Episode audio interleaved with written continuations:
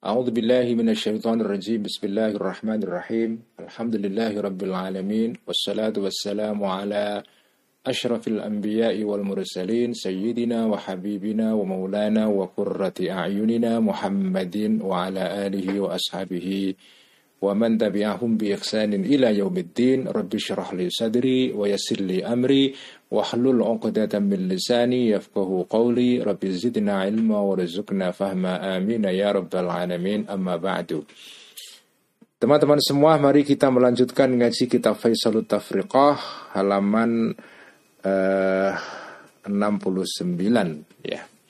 Edisi Darul Minhaj seperti biasa mari kita mulai ngaji kita dengan bacaan surah Al-Fatihah yang kita hadiahkan kepada junjungan kita Nabi besar Muhammad sallallahu alaihi wasallam kepada para istri-istri beliau, sahabat tabi'in, tabi'un tabi'in, al-auliya, asyhada, as-salihin, al-muallifin wal musannifin terutama kepada Sultanul Auliya Syekh Abdul Qadir Al-Jilani, Al-Imam Al-Junaid Al-Baghdadi, Al-Syekh Al-Akbar Muhyiddin Ibni Arabi, Al-Syekh Abdul Hasan Al-Syadili dan hadiah Al-Fatihah kita tujukan kepada sahibil ihya wa faisal at-tafriqah hujatil islam Abi Hamid al-Ghazali qaddasallahu sirrah wa nawwara darihah wa adam barakati wa nafa'ana bi ulumihi wa amadana bi madadih dan hadiah al-fatihah kita tujukan kepada para ulama pendiri jamaiyah Islam di Indonesia terutama jamaiyah Nahdlatul Ulama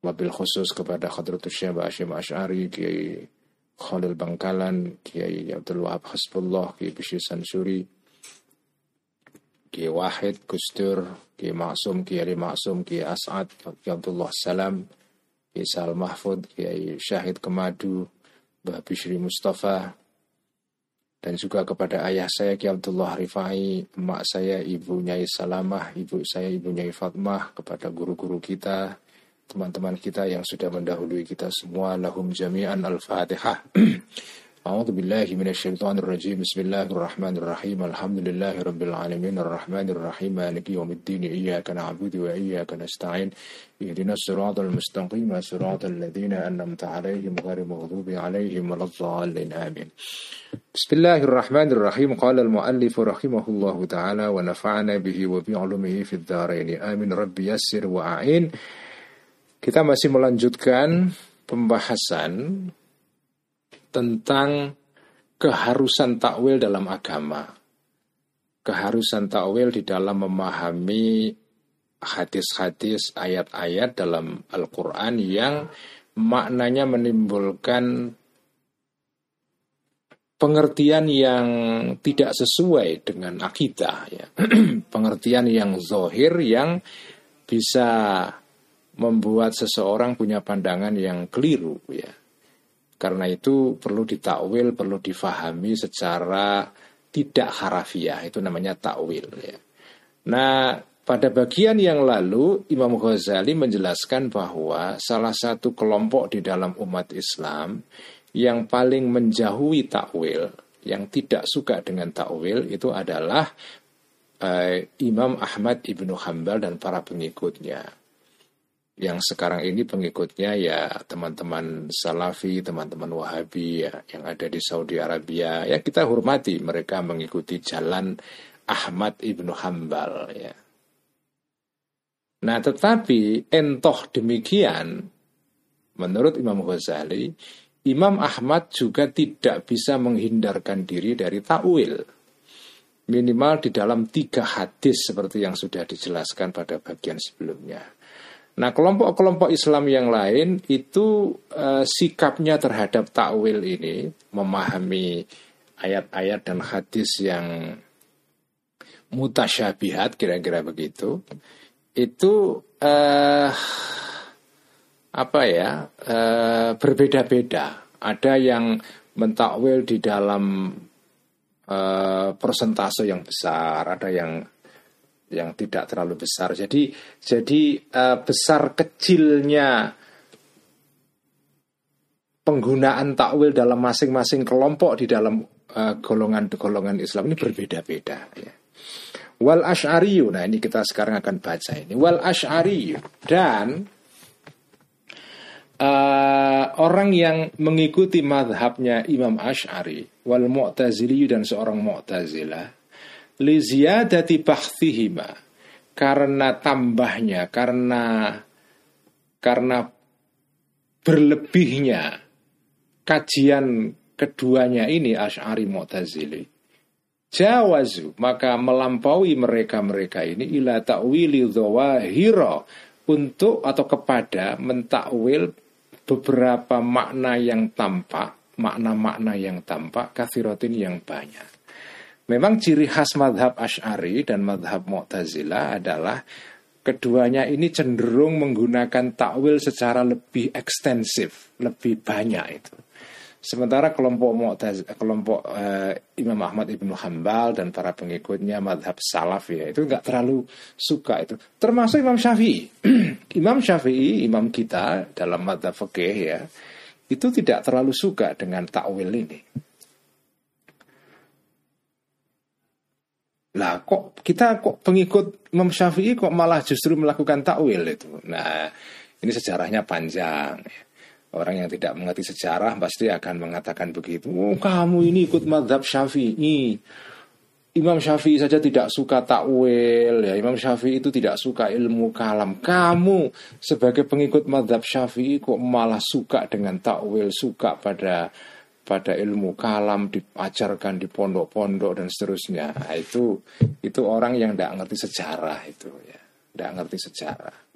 Kalau jenengan pelajari perkembangan madhab syafi'i, akidah asyariyah, eh, tasawuf dan seterusnya, jangan akan paham kenapa pengikut-pengikut madhab syafi'i ini sebagian besar mereka, mereka mungkin semuanya malah mengikuti akidah asyariyah.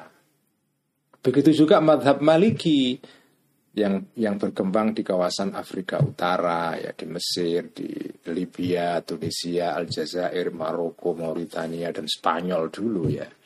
Itu mereka mengikuti madhab Maliki. Nah sama madhab pengikut madhab Maliki itu dalam bidang akidah mereka juga mengikuti akidahnya Imam Ash'ari, Abdul Hasan al Ash'ari. Sementara pengikut madhab Hanafi yang berkembang di Turki, di kawasan Asia Tengah, di India, Pakistan, ya itu mereka cenderung mengikuti akidah Maturidiyah. Nah baik akidah Maturidiyah, Ash'ariyah ataupun Mu'tazilah punya kesamaan, yaitu mereka uh, mempergunakan takwil ini di dalam derajat yang lebih besar daripada pengikut madhab Hambali. Itu kesamaannya. Ini ditegaskan sendiri oleh Imam Ghazali ini. Imam Ashari dan para para pengikut madhab Mu'tazilah itu liziyadati bahthihima.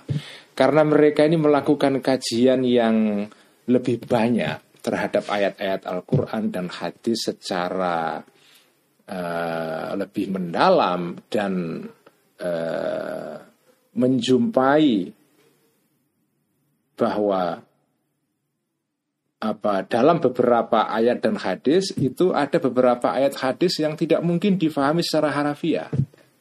Kalau Imam Ahmad ibnu Hambal mengatakan hanya tiga hadis yang bisa ditakwil secara secara tidak harafiah. Nah, tapi komentar Al Ghazali pada bagian sebelumnya yang kita baca minggu yang lalu ya, Al Ghazali mengatakan sebetulnya Imam Ahmad ibnu Hambal dan pengikutnya kalau mau berpikir lebih jauh lagi sebetulnya ayat dan hadis yang perlu ditakwil dalam masalah akidah itu tidak hanya tiga. Bisa banyak lagi itu. Jadi kalau seandainya mereka mau mengkaji lebih jauh ya itu ayat-ayat dan hadis yang perlu ditakwil dalam bidang akidah itu lebih banyak lagi. Nah inilah karena pengikut madhab Ash'ariyah dan Mu'tazilah ini liziyadati bahthihima karena mereka melakukan kajian yang lebih banyak maka mereka ini jawazu ila ta'wili dhawahira kathiratin. Mereka uh, melakukan takwil yang banyak terhadap beberapa makna zohir dari sejumlah ayat dan hadis dalam masalah akidah. Wa nasi dan paling dekat di antara orang-orang, maksudnya ahli ilmu kalam ya. Ilal Hanabilati kepada kelompok Hanabilah pengikut Imam Ahmad Ibnu Hambal fi umuril akhirati di dalam perkara-perkara akhirat yaitu akidah maksudnya al Asy'ariyah itu adalah kelompok Asy'ariyah Kelompok Asyariah ini sebetulnya akidahnya akidah salaf. Jadi kita ini dengan orang Wahabi dan orang Salafi sebetulnya punya kesamaan. Kesamaannya apa? Kita ini mengikuti madhab salaf ya. Bedanya adalah metodenya. Kalau metodenya kaum salafi dan kaum wahabi itu adalah metode bila kaifa yaitu ketika mereka berhadapan dengan ayat-ayat dan hadis yang mengandung makna-makna mutasyabih ya, yang makna-makna yang mengandung uh, pengertian antropomorfis ya, keserupaan antara Tuhan dengan manusia. Misalnya ayat tentang Allah punya tangan, Allah punya wajah, Allah itu apa ya uh, marah, murka. Itu kan Allah punya sifat-sifat yang mirip manusia. Nah, sementara Allah itu sifatnya kan tidak sama dengan manusia. Laisa kamitslihi syai'un. Nah, gimana memahami ayat-ayat seperti ini? Nah, itu harus ditakwil itu. Nah, jadi kaum Asy'ariyah, akidah Asy'ariyah itu akidahnya sebetulnya sama dengan orang-orang salaf. Bedanya orang salaf ini akidahnya adalah bila kaifa. Terhadap ayat-ayat seperti itu mereka tidak mempertanyakan lebih jauh. Ya sudah kita imani apa adanya. Tetapi kalau madhab asyari tidak begitu. kalau apa adanya itu bisa menimbulkan uh, salah paham di kalangan orang-orang itu.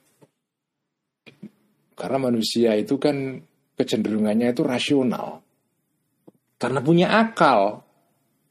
Yang jenengan bisa mengatakan ya sudahlah ini nggak usah di nggak usah di dibahas jauh-jauh atau diperdalam pembahasannya. Udahlah kita iman saja. Tidak bisa masyarakat makin maju peradabannya, makin maju kebudayaannya, mereka makin menggunakan akal lebih banyak lagi. Kalau pada zaman dulu mungkin kita bisa memaksa orang itu sudah kamu iman saja nggak usah tanya-tanya gitu. Itu bisa. Kalau zaman dulu ketika tingkat pendidikan masyarakat itu masih rendah, begitu pendidikan makin meluas dan makin tinggi, bacaan orang makin banyak, mereka makin rasional Ketika orang makin rasional, nggak bisa jenengan minta mereka, kok begini ini, udah iman saja, nggak bisa. Jadi penggunaan metode rasional di dalam akidah itu tak terhindarkan. Jenengan bisa bersikap seperti burung onta nggak mau tahu keadaan, sudah yang penting iman itu ya bisa, tapi itu sikap burung onta. Sampai tidak mau tahu keadaan sekarang nggak mau tahu tentang bagaimana cara berpikir kaum milenial dan seterusnya yang makin rasional, yang makin tidak bisa dijejali ajaran-ajaran agama secara taklid buta, tidak bisa. Jenengan harus kasih reasoning, harus kasih penjelasan yang masuk akal. Kalau enggak ya agama Islam ditinggalkan.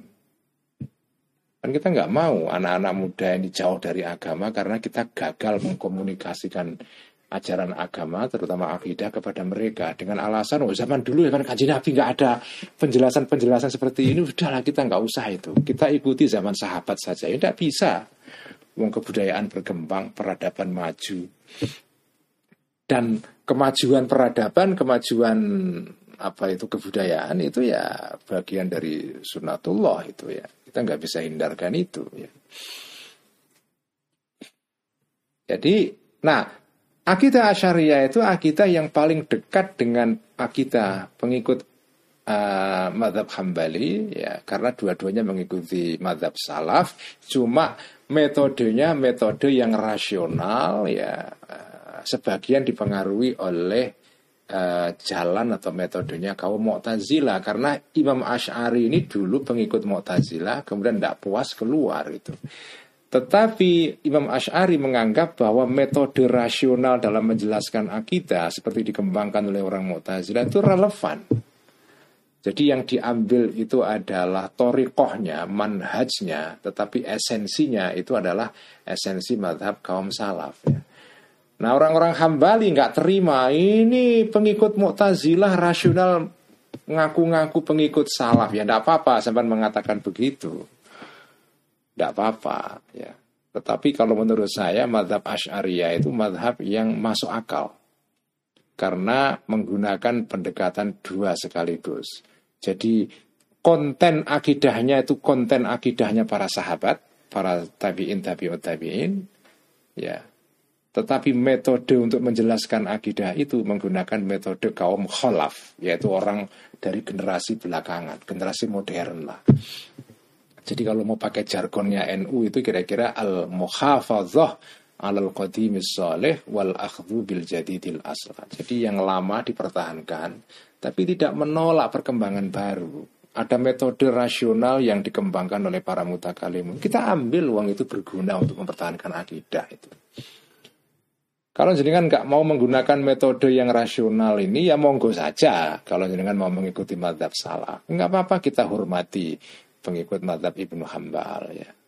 Tetapi kita ya kita ini maksudnya pengikut jamaah Nahdlatul Ulama dan pengikut madhab sunni yang umumnya ya. Itu kan seperti saya katakan dalam minggu yang lalu mayoritas umat Islam yang hidup saat ini itu mengikuti madhab akidah alusunah wal jamaah dalam pengertian apa? Mengikuti akidah asyariah atau maturidiyah. Apakah wahabi dan salafi itu ahlu sunnah wal jamaah? Ahlu sunnah wal jamaah jelas mereka bagian dari ahlu sunnah wal jamaah cuma metodenya lain. Kita menggunakan metode yang berbeda. Kita menggunakan metode akidah asyariah atau kalau yang teman-teman pengikut madhab Hanafi mengikuti metode madhab Maturidiyah, metode akidah Maturidiyah itu.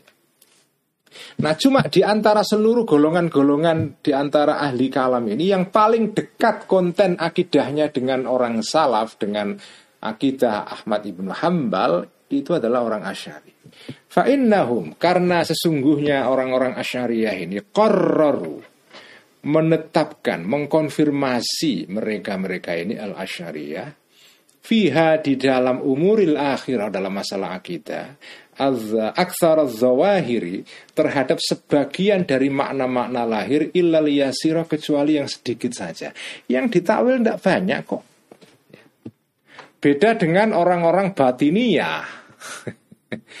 orang batiniah itu pengikut uh, akidah uh, Syiah Ismailiyah misalnya ya itu lawannya Al Ghazali itu akidah Ismailiyah itu. Karena Al Ghazali menulis kitab khusus untuk mengerat ya untuk mengkritik orang-orang kebatinan yaitu pengikut akidah Syiah Ismailiyah. Karena Syiah itu banyak madhabnya. Ada Syiah Ithna Asyariyah yang berkembang di Iran sekarang ini. Ada Syiah Ismailiyah ya. Yaitu Syiah yang berkembang sebagian di India dan sekarang berkembang banyak di barat ya. di London itu ada pusat kajian Ismaili yang cukup terkenal dan keren sekali ya Institute for Ismaili Studies ya uh, ya bagi saya teman-teman Ismailiyah ini juga teman kita sebagai bagian dari umat Islam juga ya cuma metode akidahnya beda dengan kita. Dikritik oleh Al Ghazali dalam kitabnya judulnya adalah Fadhaihul Batiniyah. Nanti satu saat kita akan baca kitab ini ya. Foto Ihul Batiniyah. Kitabnya nggak nggak nggak nggak tebal ya seperti Faisal Tafriqah ini.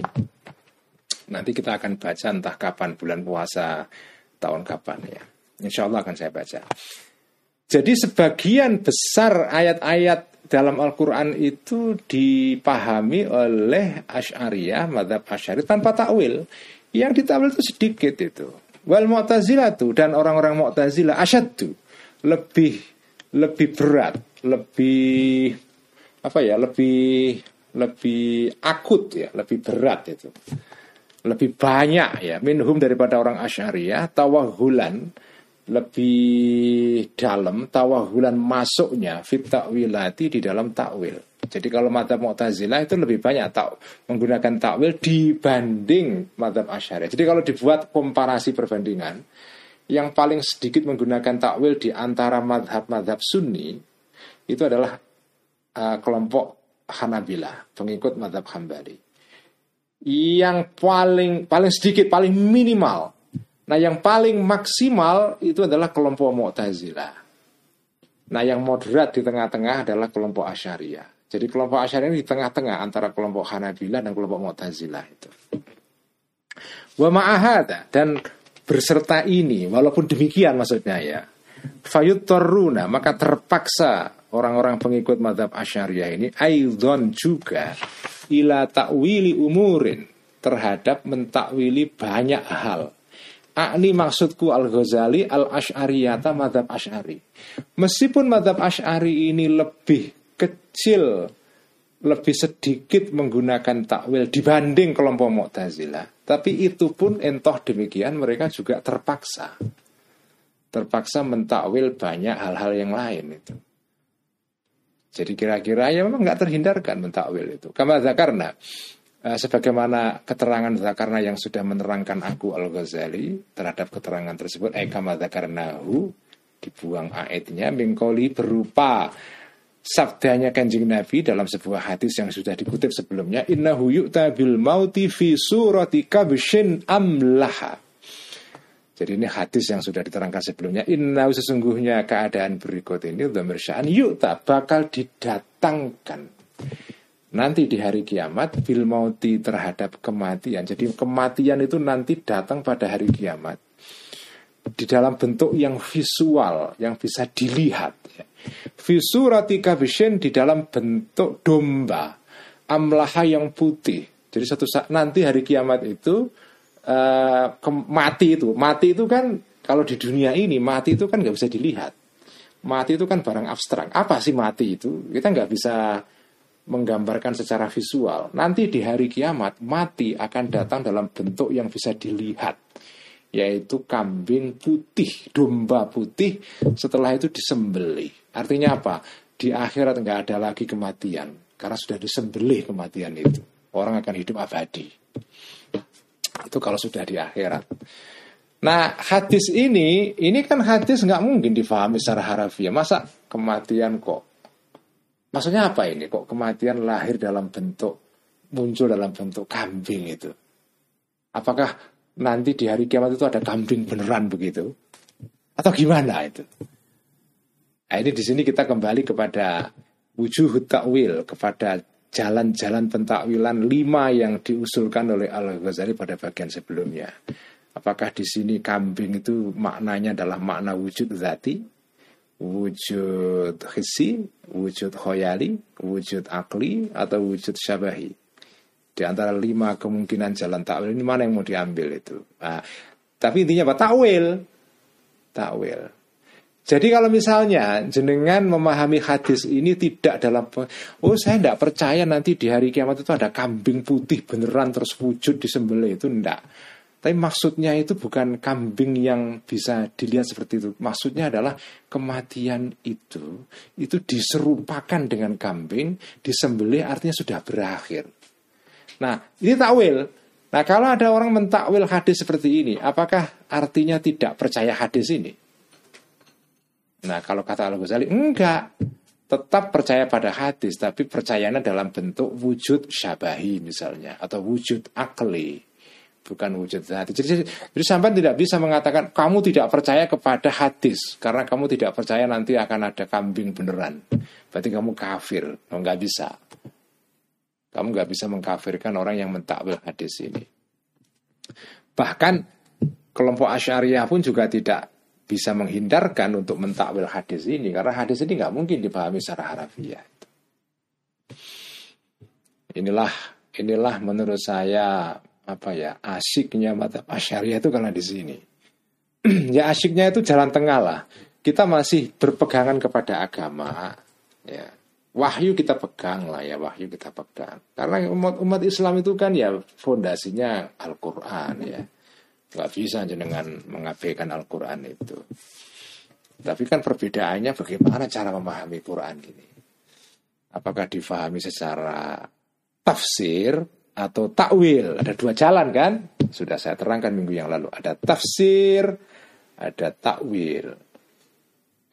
Tafsir itu pemahaman secara secara harafiah. Ya relatif mempertahankan makna harafiah dari statement dalam Quran maupun hadis ya.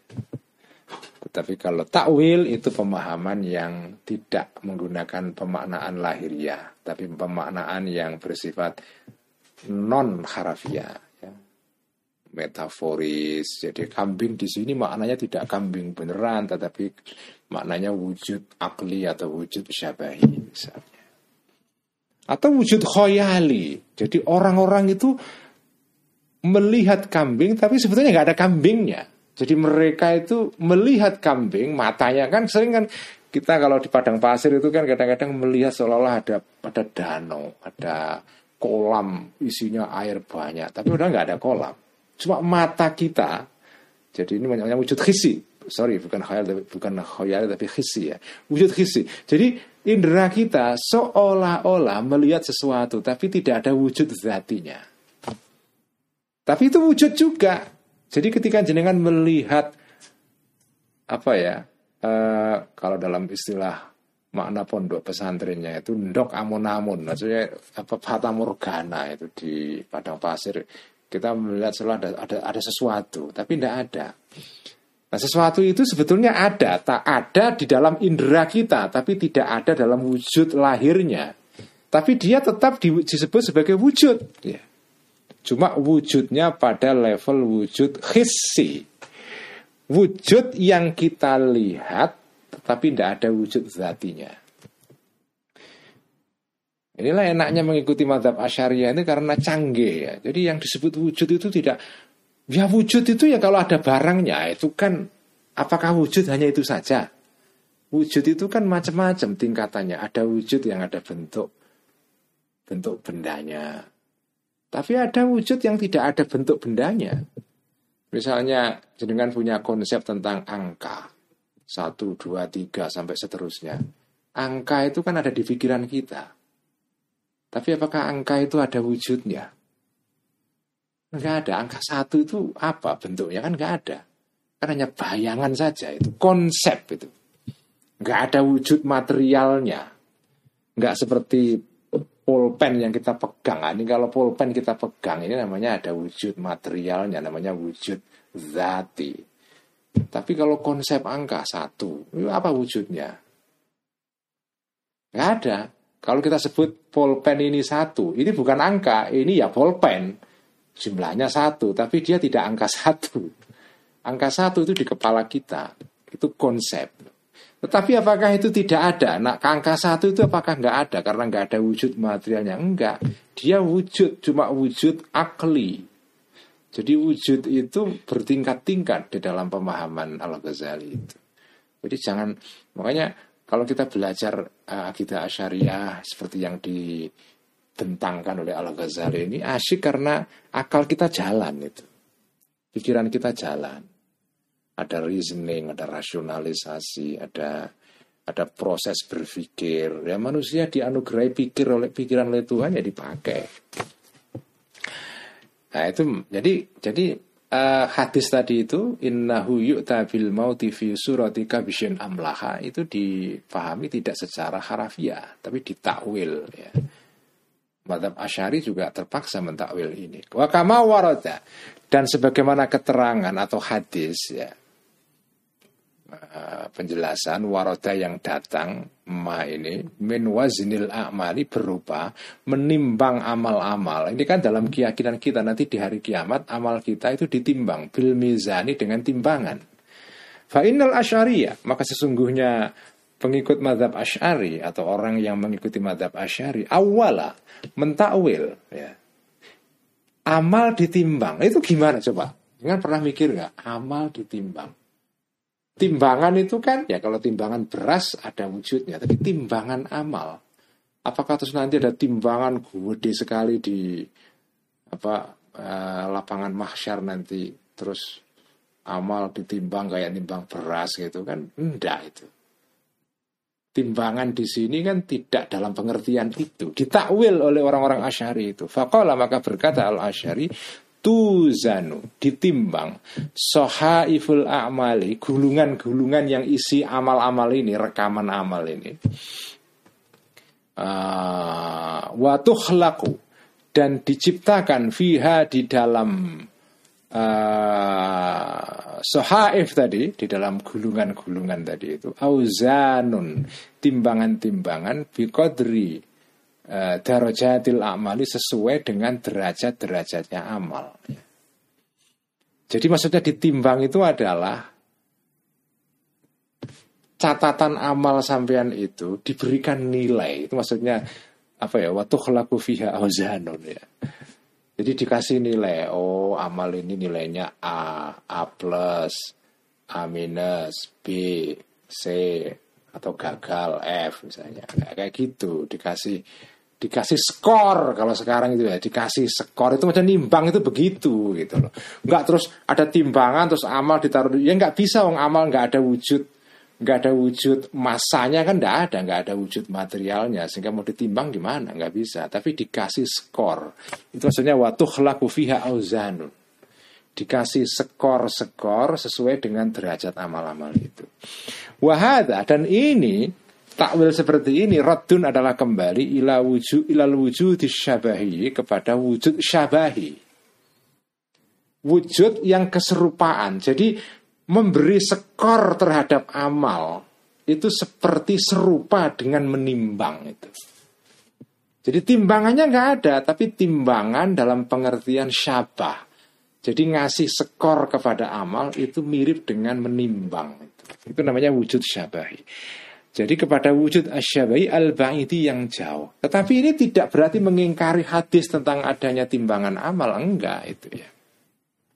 Fa inna sahaifa karena sesungguhnya gulungan-gulungan kertas yang isinya catatan amal itu samun adalah jisim-jisim. Ya namanya namanya apa ya gulungan kertas itu kan jisim ada wujud materialnya. Kutibat yang ditulis fiha di dalam ajasam ini rukumun angka-angka tadullu yang menunjukkan angka-angka ini bil istilahi dengan melalui kesepakatan ya. Kan ada kesepakatan kalau angka satu itu kalau dalam bahasa Arab bentuknya seperti cagak itu. Kalau ya dalam bahasa dalam angka Romawi juga sama. Angka dua bentuknya seperti itu kan itu kan hanya kesepakatan saja kenapa angka kok dua kok bentuknya seperti itu ya ya kita sepakat menggunakan simbol itu sebagai tanda untuk angka dua angka tiga Nanti di bahasa yang lain dalam bahasa Jawa angka tiga beda dengan dalam bahasa Latin itu dalam apa dalam aksara Latin itu kesepakatan saja itu istilah. Jadi angka-angka ini menunjukkan melalui kesepakatan di antara para pengguna bahasa itu ala amalin terhadap amal-amal. Jadi skor angka itu adalah e, menunjukkan nilai amal. Yang amal ini, hiya amal ini a'rodun berubah a'rod, bukan ajsam. Jadi dibedakan ya, ada dua istilah, ada ajsam, ada a'rod. Ajsam itu artinya adalah jisim. Yang di dalam bahasa ilmu kalam disebut dengan jauhar. Jadi ajsam ada a'rod ya. Jadi misalnya misalnya polpen ini ini punya dua dimensi, punya ajesam, punya a'rod. Ajesam itu ya bentuk pulpen ini namanya ajesam, jisimnya, bentuk fisiknya. A'rod itu sifat-sifatnya. Pulpen ini warnanya hitam, warnanya putih, bentuknya apa itu uh, panjang, uh, berbentuk bulat dan seterusnya ya punya tutup ya. Nah, itu namanya a'rod. A'rod itu adalah sifat-sifat yang melekat kepada benda. Setiap benda yang wujud di dunia ini itu punya dua dimensi. Punya ajsam, punya a'rod ya. Punya bahan mentahnya berupa bahan materialnya itu dan berupa sifat-sifat yang melekat pada bendanya itu. Nah, amal itu adalah a'rod bukan ajsam. Falaisa maka tidak ada al mauzunu yang ditimbang. Itu izan dengan demikian al amala adalah amal. Bukan jadi yang ditimbang itu bukan amal. Karena amal nggak bisa ditimbang. Karena amal itu bukan jisim. Nggak ada masanya. Nggak ada beratnya. Satu kilo dua nggak ada. Amal itu nggak ada berat kilogramnya karena dia arot dia sifat ya bal mahallu nakshin tetapi yang ditimbang itu adalah mahallu nakshin tempatnya ukiran. Maksudnya ukiran dalam bentuk angka tadi itu loh. Oh, jenengan amalnya itu skornya misalnya 10. Itu yang ditimbang itu angkanya itu. Ya dulu yang menunjukkan ukiran ini atau naksin itu inskripsi ya, tulisan. Tulisan berupa angka yang menunjukkan alal amali terhadap jumlah amal bil istilahi melalui kesepakatan ahli bahasa. Orang Arab menggunakan angka tiga sebagai simbol untuk angka tiga. Jadi yang ditimbang itu sebetulnya adalah angka-angka itu, angka itu di di skor itu. Itu takwilnya. Jadi takwil dengan cara mentakwili uh, ajaran mengenai timbangan amal itu dengan wujud syabahi. Wal mu'taziliyu dan orang yang mengikuti madzhab Mu'tazilah yu'awilu juga mentakwil sama nafsal mizani e, timbangan yang sama. Jadi ajaran mengenai timbangan itu juga ditakwil oleh orang Mu'tazilah. Wa yaj'aluhu dan menjadikan Mu'tazili hu kepada al-mizan, timbangan. Jadi kalau dalam pandangan Mu'tazilah yang disebut dengan timbangan amal itu bagaimana maknanya? Takwilnya seperti apa? Seperti apa? Mereka mentakwil kinayatan sebagai pasemon an sababin dari sebab bihi yang dengan sebab itu yang an sababin dari alasan maksudnya sebab itu ya alasan bihi yang karena alasan ini yang kasyifu menjadi jelas terbuka tersingkap. Likul liwahidin terhadap masing-masing orang miqdaru amalihi kadar amalnya orang itu. Wahwa dan takwil ini abadu lebih jauh ya. Uh, anit ta'assufi dari dari memaksa-maksa diri.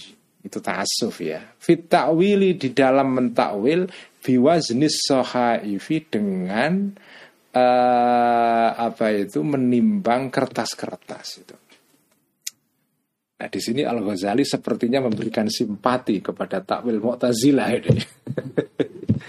Jadi Mu'tazilah itu menafsir apa maksudnya nimbang amal itu? Itu bukan kok amal ditimbang ya, enggak itu, enggak. Yang disebut, yang dimaksud dengan menimbang amal itu artinya adalah itu pasemon itu.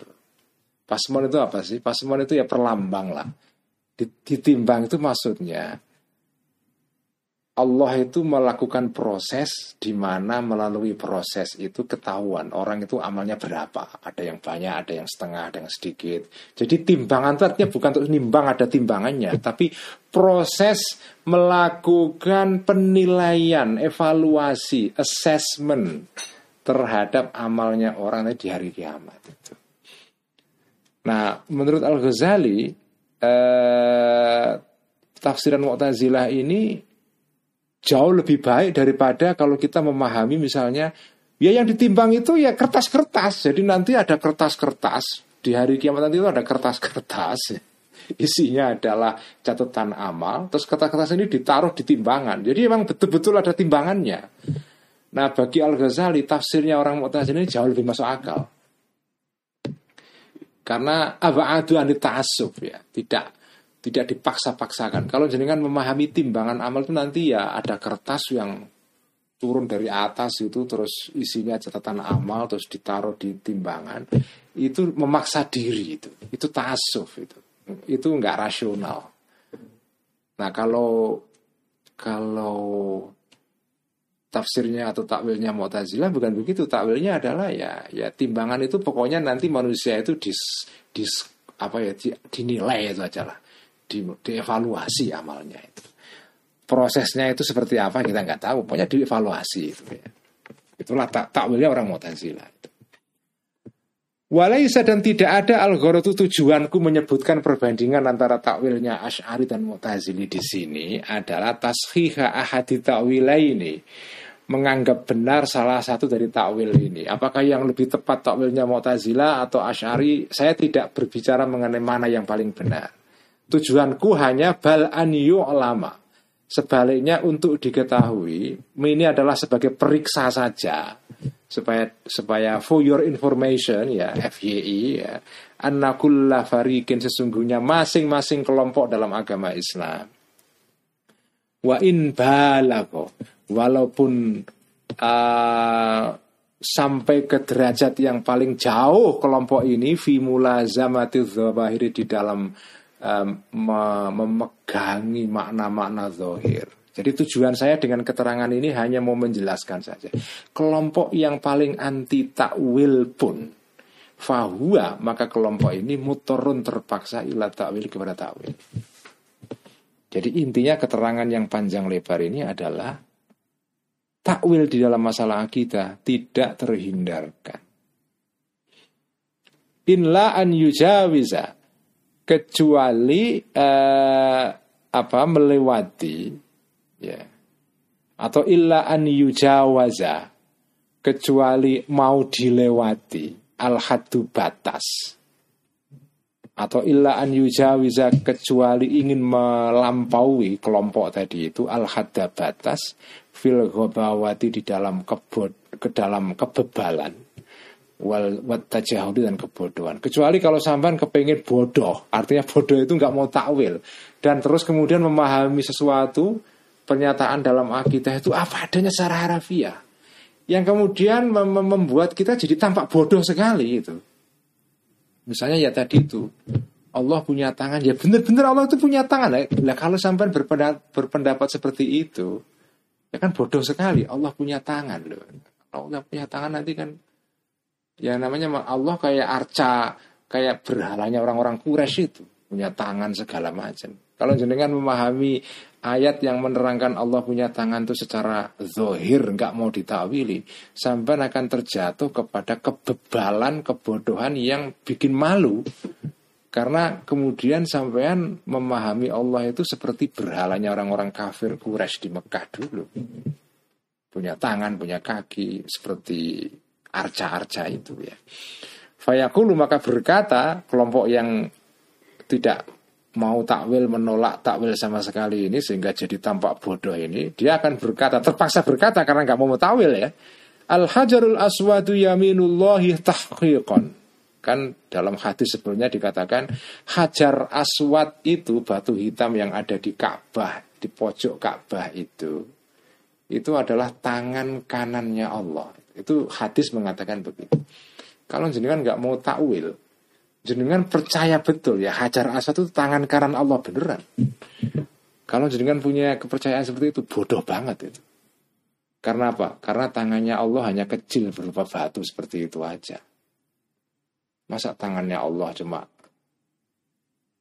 kayak begitu ya. Ya kalau bentuknya Hajar Aswad itu kan nggak menarik itu.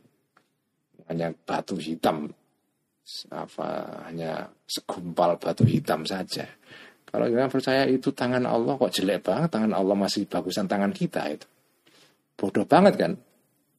Nah kalau jenengan menolak takwil maka terpaksa sampai akan mengatakan al hajarul aswadu hajar aswad itu yaminullahi tangan kanannya Allah tahkikon secara benar-benar ya begitu maknanya itu betul-betul tangan Allah Wal mautu dan mati tadi itu dikatakan mati nanti akan tampil muncul di hari kiamat dalam bentuk domba putih yang disembelih.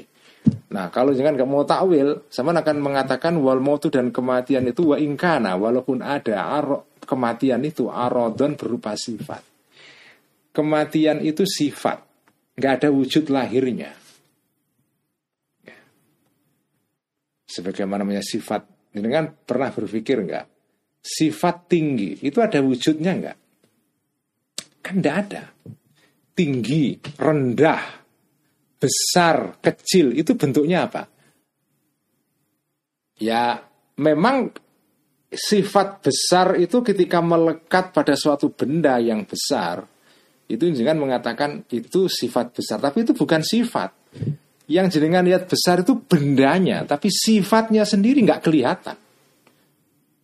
Karena yang disebut dengan sifat itu arodun, sesuatu yang melekat tapi nggak kelihatan. Nah yang sampean lihat itu hanya bendanya saja, seperti angka satu itulah. Polpen ini satu, tapi bukan angka satu itu ya sama dengan polpen ini enggak. Angka satu itu adalah konsep dalam pikiran. Yang sampean lihat itu ya polpen. Memang jumlahnya satu, tetapi angka satu tidak identik dengan polpen ini. Begitu juga sifat besar dan kecil itu bukan sesuatu yang kelihatan, itu konsep di kepala. Cuma kemudian kita melihat barang besar, kita katakan ini besar, ini kecil. Tetapi besar kecil itu tidak ada wujudnya.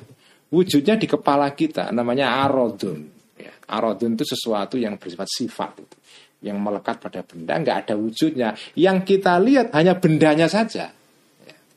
Nah kematian itu arodun Dia tidak ada wujudnya Nggak mungkin nanti wujud berupa apa namanya domba putih. Itu tidak bisa ya, karena kematian itu adalah arodun nggak mungkin berwujud benda. Karena itu kalau orang menolak takwil ya dia akan mengatakan kematian walaupun dia berupa arad fayastahilu maka akan berubah kematian ini kabishan sebagai domba jadi dia menafsirkan hadis tadi itu bahwa kematian pada hari kiamat nanti akan muncul dalam bentuk kambing putih lalu disembelih. Itu ya maknanya kambing beneran. Sifat kematian berubah jadi kambing beneran. Vitori kil ingkilabi dengan jalan bim salabim berubah itu. Wal a'malu dan tentang menimbang amal tadi itu kalau jenengan menolak takwil wa ingkanat walaupun ada amal ini arad dan berupa arad sama sifat yang nggak ada wujudnya Wakotongu dimat dan telah hilang amal itu karena sudah selesai. Jangan mati kan amal sudah lewat. Kalau sifat itu sudah selesai lewat, nggak bisa lagi dihadirkan. Tapi kalau jenengan menolak takwil, kemudian memahami, memahami menimbang amal itu ya secara harafiah fatung kolu, maka dipindahkan amal ini ilal mizani kepada timbangan. Jadi nanti jenengan ya punya pemahaman bahwa ya nanti itu betul amal itu jadi kayak ada bendanya, ditaruh di timbangan yang beneran ada timbangannya, ada wujud fisiknya. Wayakunu dan ada fiha di dalam uh, apa namanya uh, akmal ini arodun ada sifat-sifat ada arot hia yang arot ini kalau adalah ke, adalah sifat berat jadi amal ini nanti di dalamnya karena sudah diubah bentuknya jadi sesuatu yang ada bentuk fisiknya ada kayak barangnya ada kayak batu begitu Lalu dia punya sifat berat, enteng. Kalau amalnya banyak ya timbangannya berat. Kalau amalnya sedikit ya timbangannya ringan dan seterusnya.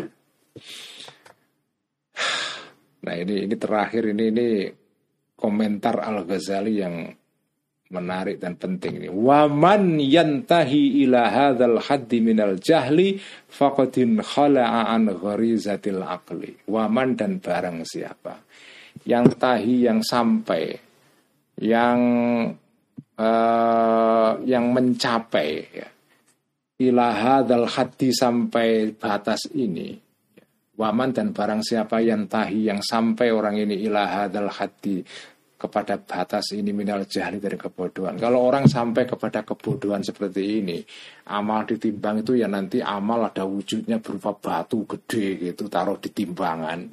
Kalau dia percaya seperti itu ya itu bodoh banget. Kalau ada orang kebodohannya kok sampai ke tingkat itu fakodin khala, maka telah lepas orang ini zatil akli dari kemampuan akal. Jadi akalnya hilang. Ya sudah. Itu namanya orang khasyawiyah yaitu dalam istilah ilmu kalam disebut dengan orang khasyawiyah. Orang yang nggak pakai akalnya, hanya menggunakan pemahaman harafiah saja, ngotot nggak mau dikasih tahu, nggak mau berpikir, itu orang khasyawiyah. Pekok orang khasyawiyah itu ya. Jadi jadi di sini kita tampak bagaimana Al Ghazali ini melakukan apa ya pembelaan terhadap akidah syariah dengan cara mengatakan bahwa ya takwil itu tidak terhindarkan. Ya. tetapi kalau ada orang menolak takwil sama sekali ya monggo saja. Meskipun ya ya pada akhirnya akan akan berujung kepada inkonsistensi ya. dan juga kepada cara berpikir yang lucu ya. Bawah istilahnya Al-Ghazali itu kebodohan itu ya.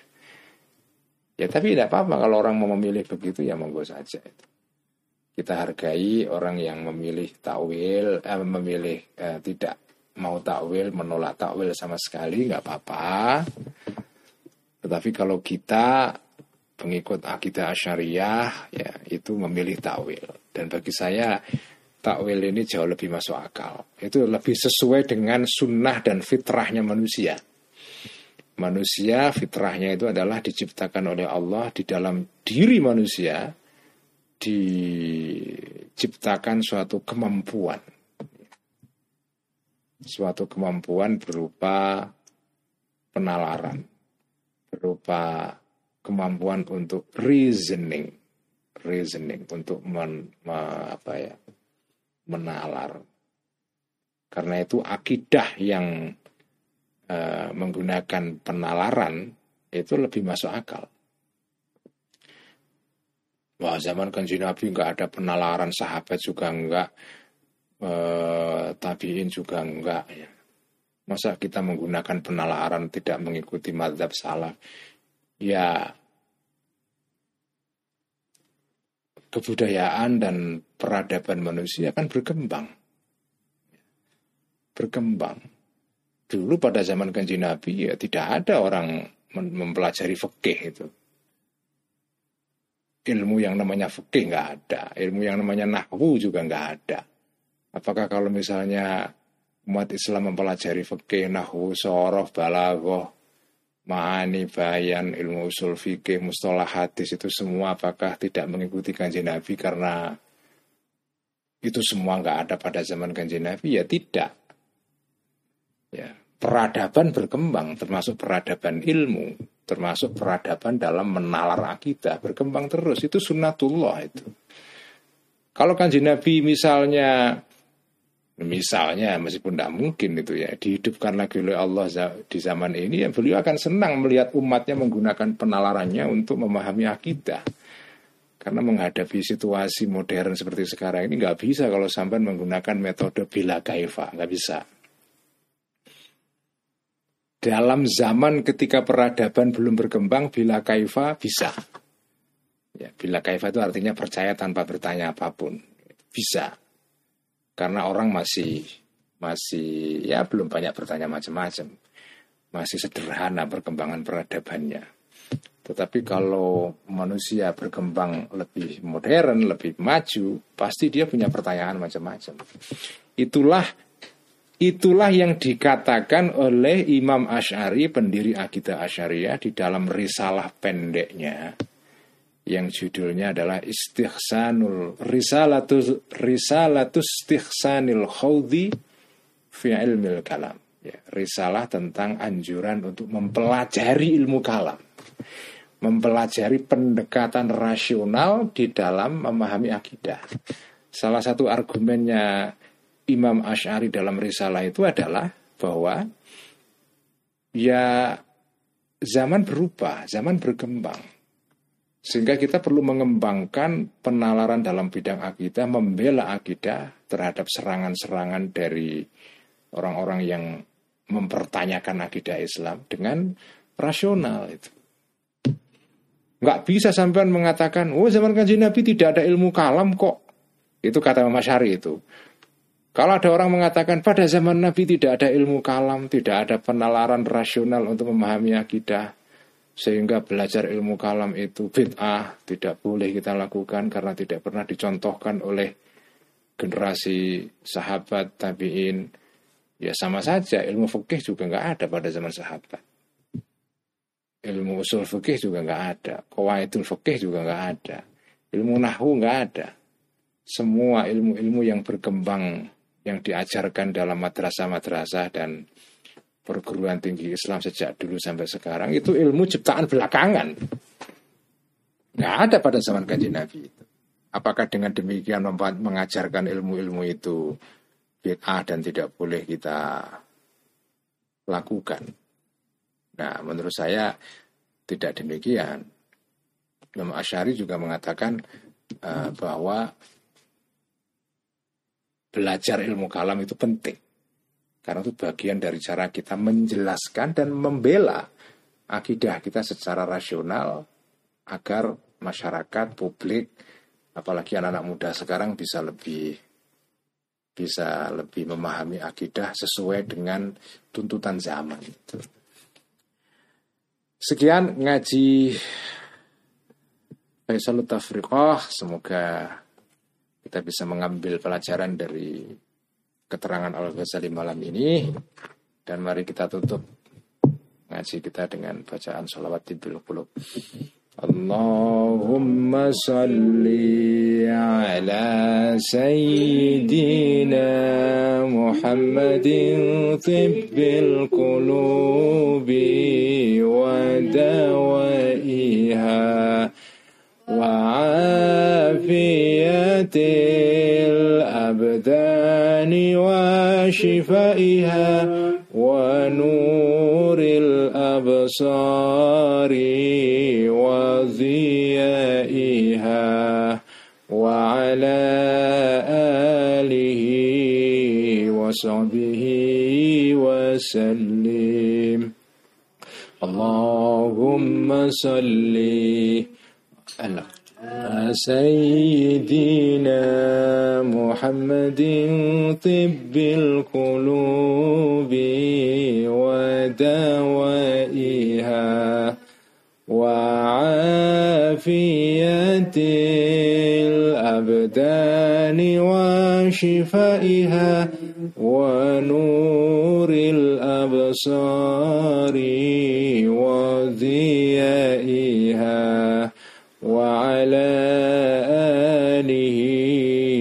وصحبه وسلم. اللهم صلِّ على سيدنا محمد طب القلوب ودوائها وعافية الأبدان وشفائها الأبصار وعلى آله وصحبه وسلم sekian wassalamualaikum warahmatullahi wabarakatuh